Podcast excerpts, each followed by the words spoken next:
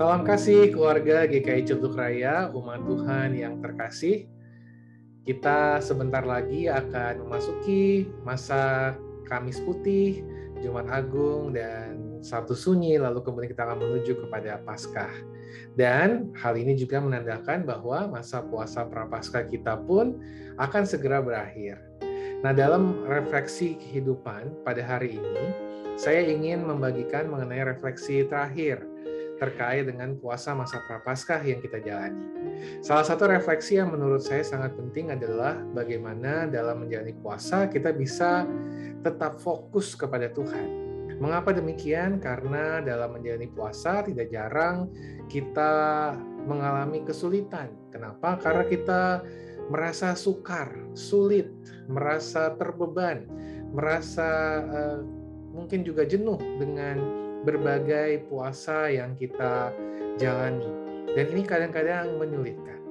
Dan bahkan terkadang hal ini membuat kita juga tidak fokus kepada Tuhan. Dan itulah yang terjadi juga dalam kehidupan kita sehari-hari.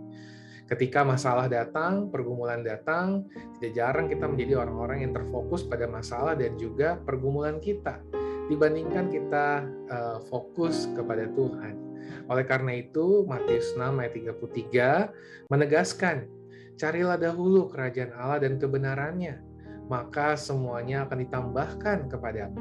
Matius 6 ingin mengajak para pembacanya untuk melihat bagaimana Tuhan memelihara kehidupan orang-orang yang ada yang ia kasihi dan bagaimana ia menjaga mereka di tengah berbagai uh, kekhawatiran dan juga pergumulan yang mereka hadapi.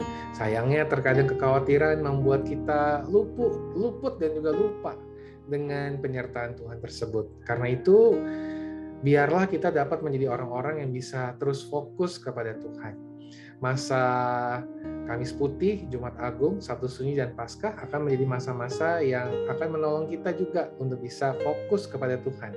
Karena mungkin kita akan melalui masa Kamis Putih tengah pekerjaan yang juga masih harus kita Kita menjalani masa Jumat Agung dan juga Sabtu Sunyi dan Minggu Paskah di tengah libur akhir pekan yang juga cukup panjang yang kita harus jalani. Maka pertanyaannya, bisakah kita tetap fokus sama Tuhan? tetap fokus dengan ibadah yang seharusnya bisa tetap kita jalankan di tengah berbagai tekanan hidup kita. Mari kita memperjuangkannya dengan memulai fokus kita kepada Tuhan dari waktu kita bersama Tuhan baik di ibadah secara pribadi maupun ibadah secara komunal menjelang Paskah nanti.